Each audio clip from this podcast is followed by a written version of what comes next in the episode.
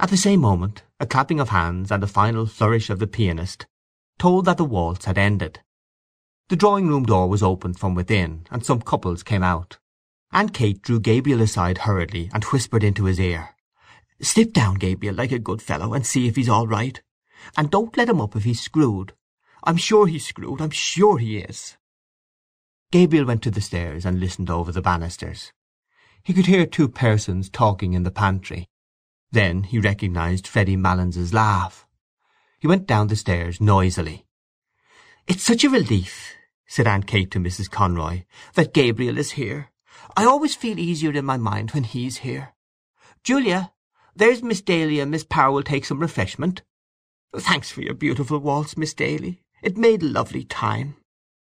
A tall wizen-faced man, with a stiff grizzled moustache and swarthy skin, who was passing out with his partner, said, "And may we have some refreshment too, Miss Morkan?" "Julia," said Aunt Kate summarily, "and here's Mr. Brown and Miss Furlong. Take them in, Julia, with Miss Daly and Miss Power." "I'm the man for the ladies," said Mr. Brown, pursing his lips, until his moustache bristled, and smiling in all his wrinkles. You know, Miss Morkan, the reason they're so fond of me is—" He did not finish his sentence, but seeing that Aunt Kate was out of earshot, at once led the three young ladies into the back room. The middle of the room was occupied by two square tables placed end to end, and on these Aunt Julia and the caretaker were straightening and smoothing a large cloth. On the sideboard were arrayed dishes and plates, and glasses and bundles of knives and forks and spoons. The top of the closed square piano served also as a sideboard for viands and sweets. At a smaller sideboard in one corner two young men were standing, drinking hop bitters. Mr. Brown led his charges thither and invited them all, in jest, to some ladies' punch, hot, strong, and sweet. As they said they never took anything strong, he opened three bottles of lemonade for them. Then he asked one of the young men to move aside, and, taking hold of the decanter, filled out for himself a goodly measure of whisky. The young men eyed him respectfully while he took a trial sip. "God help me," he said, smiling. "It's the doctor's orders." His wizened face broke into a broader smile, and the three young ladies laughed in musical echo to his pleasantry, swaying their bodies to and fro with nervous jerks of their shoulders. The boldest said, "Oh, now, Mr. Brown, I'm sure the doctor never ordered anything of the kind." Mr. Brown took another sip of his whisky, and said, with sidling mimicry, "Well, you see, I'm like the famous Mrs. Cassidy, who was reported to have said, 'Now, Mary Grimes, if I don't take it, make me take it, for I feel I want it.'" His hot face had leaned forward a little too confidentially, and he had assumed a very low Dublin accent, so that the young ladies, with one instinct, received his speech in silence. Miss Furlong, who was one of Mary Jane's pupils, asked Miss Daly what was the name of the pretty waltz she had played, and Mr. Brown, seeing that he was ignored, turned promptly to the two young men who were more appreciative. A red-faced young woman, dressed in pansy, came into the room excitedly clapping her hands and crying, "Quadrilles! Quadrilles!" Close on her heels came Aunt Kate, crying, "Two gentlemen and three ladies, Mary Jane." "Oh, here's Mr. Bergin and Mr. Kerrigan," said Mary Jane. "Mr. Kerrigan, will you take Miss Power? Miss Furlong, may I get you a partner? Mr. Bergin? Oh, that'll just do now." "Three ladies, Mary Jane," said Aunt Kate. The two young gentlemen asked the ladies if they might have the pleasure, and Mary Jane turned to Miss Daly. "Oh, Miss Daly, you're really awfully good after playing for the last two dances, but really we're so short of ladies to night. "I don't mind in the least, Miss Morkan. But I've a nice partner for you, Mr. Bartell D'Arcy, the tenor. I'll get him to sing later on. All Dublin is raving about him." "Lovely voice, lovely voice," said Aunt Kate. As the piano had twice begun the prelude to the first figure, Mary Jane led her recruits quickly from the room. They had hardly gone when Aunt Julia wandered slowly into the room, looking behind her at something. "What is the matter, Julia?" asked Aunt Kate anxiously. "Who is it?" Julia, who was carrying in a column of table napkins, turned to her sister and said simply, as if the question had surprised her, "It's only Freddy, Kate, and Gabriel with him." In fact, Right behind her Gabriel could be seen piloting Freddy Malins across the landing. The latter, a young man of about forty, was of Gabriel's size and build, with very round shoulders. His face was fleshy and pallid, touched with colour only at the thick hanging lobes of his ears and at the wide wings of his nose.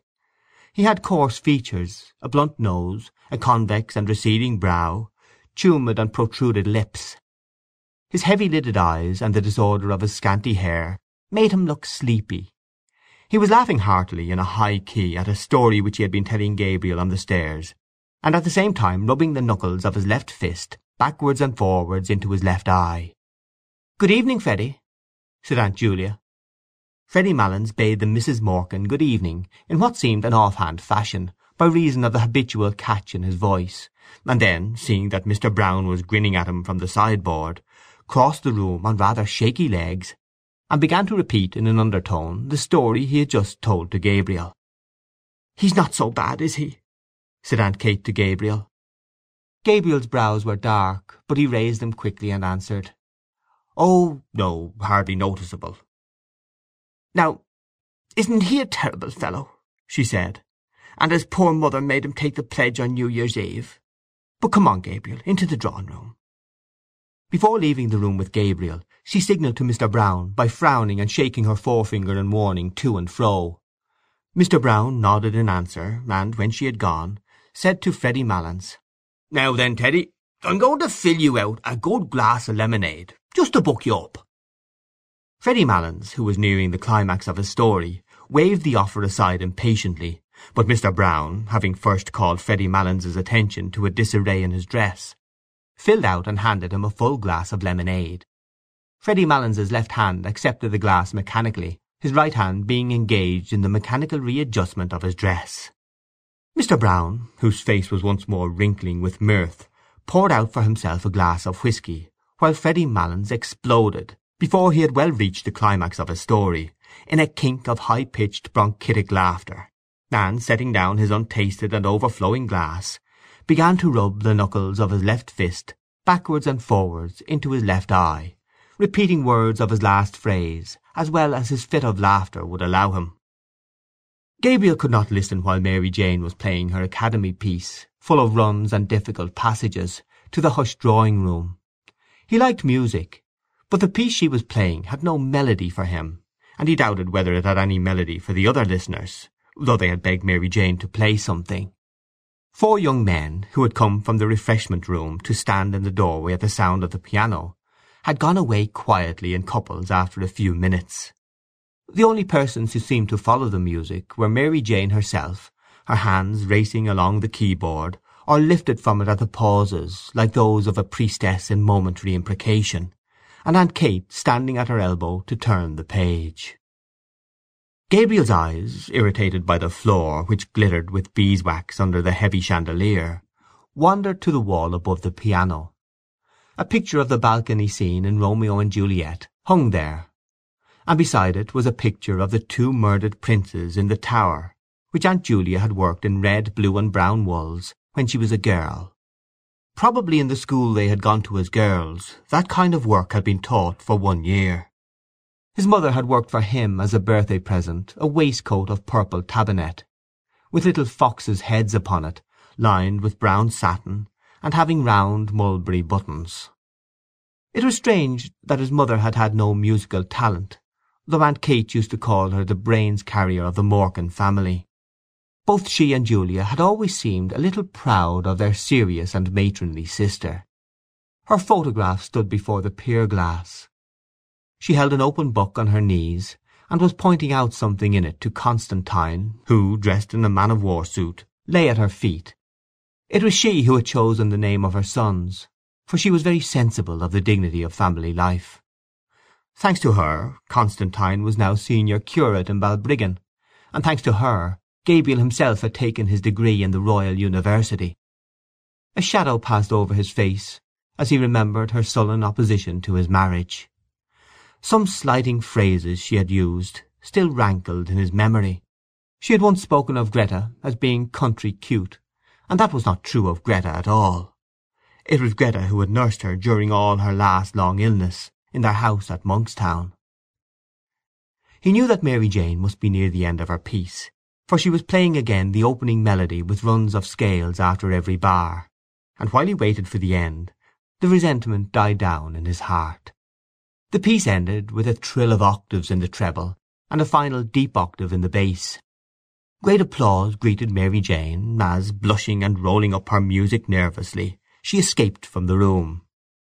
The most vigorous clapping came from the four young men in the doorway, who had gone away to the refreshment room at the beginning of the piece, but had come back when the piano had stopped. Lancers were arranged.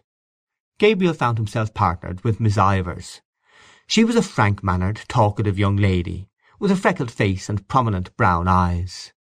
She did not wear a low-cut bodice, and the large brooch which was fixed in the front of her collar bore on it an Irish device and motto. When they had taken their places she said abruptly, "I have a crow to pluck with you." "With me?" said Gabriel. She nodded her head gravely. "What is it?" asked Gabriel, smiling at her solemn manner. "Who is G. C.?" answered Miss Ivors, turning her eyes upon him. Gabriel coloured and was about to knit his brows, as if he did not understand, when she said bluntly, "Oh, innocent Amy, I have found out that you write for the Daily Express. Now, aren't you ashamed of yourself?" "Why should I be ashamed of myself?" asked Gabriel, blinking his eyes and trying to smile. "Well, I'm ashamed of you," said Miss Ivors frankly. "To say you'd write for a paper like that! I didn't think you were a West Briton." A look of perplexity appeared on Gabriel's face. It was true that he wrote a literary column every Wednesday in the Daily Express, for which he was paid fifteen shillings, but that did not make him a West Briton, surely. The books he received for review were almost more welcome than the paltry cheque. He loved to feel the covers and turn over the pages of newly printed books. Nearly every day, when his teaching in the college was ended, he used to wander down the quays to the second-hand booksellers, to Hickey's on Bachelor's Walk, to Webb's or Massey's on Aston's Quay, or to O'Clohissey's in the by-street. He did not know how to meet her charge. He wanted to say that literature was above politics. But they were friends of many years' standing, and their careers had been parallel, first at the university and then as teachers. He could not risk a grandiose phrase with her. He continued blinking his eyes and trying to smile, and murmured lamely that he saw nothing political in writing reviews of books. When their turn to cross had come, he was still perplexed and inattentive. Miss Ivors promptly took his hand in a warm grasp, and said in a soft friendly tone, "Of course, I was only joking. Come, we cross now." When they were together again she spoke of the university question, and Gabriel felt more at ease. A friend of hers had shown her his review of Browning's poems. That was how she had found out the secret. But she liked the review immensely. Then she said suddenly, "Oh, Mr. Conroy, will you come for an excursion to the Aran Isles this summer? We're going to stay there a whole month. It will be splendid out in the Atlantic. You ought to come. Mr. Clancy is coming, and Mr. Kilkelly, and Kathleen Kearney. It would be splendid for Gretta, too, if she'd come. She's from Connacht, isn't she? "Her people are," said Gabriel shortly. "But you will come, won't you?" said Miss Ivors, laying her warm hand eagerly on his arm. "The fact is," said Gabriel, "I have just arranged to go—" "Go where?" asked Miss Ivors. "Well, you know, every year I go for a cycling tour with some fellows, and so—" "But where?" asked Miss Ivors. "Well, we usually go to France, or Belgium, or perhaps Germany," said Gabriel awkwardly. "And why do you go to France and Belgium," said Miss Ivors, "instead of visiting your own land?" "Well," said Gabriel, "it's partly to keep in touch with the languages, and partly for a change." "And haven't you your own language to keep in touch with—Irish?" asked Miss Ivors. "Well," said Gabriel, "if it comes to that, you know, Irish is not my language." Their neighbours had turned to listen to the cross-examination. Gabriel glanced right and left nervously, and tried to keep his good humour under the ordeal which was making a blush invade his forehead. "And haven't you your own land to visit," continued Miss Ivors, "that you know nothing of? Your own people, and your own country?" "Oh, to tell you the truth," retorted Gabriel suddenly, "I'm sick of my own country. Sick of it." "Why?" asked Miss Ivors. Gabriel did not answer, for his retort had heated him. "Why?" repeated Miss Ivors. They had to go visiting together, and as he had not answered, Miss Ivors said warmly, "Of course you've no answer." Gabriel tried to cover his agitation by taking part in the dance with great energy. He avoided her eyes, for he had seen a sour expression on her face. But when they met in the long chain he was surprised to feel his hand firmly pressed.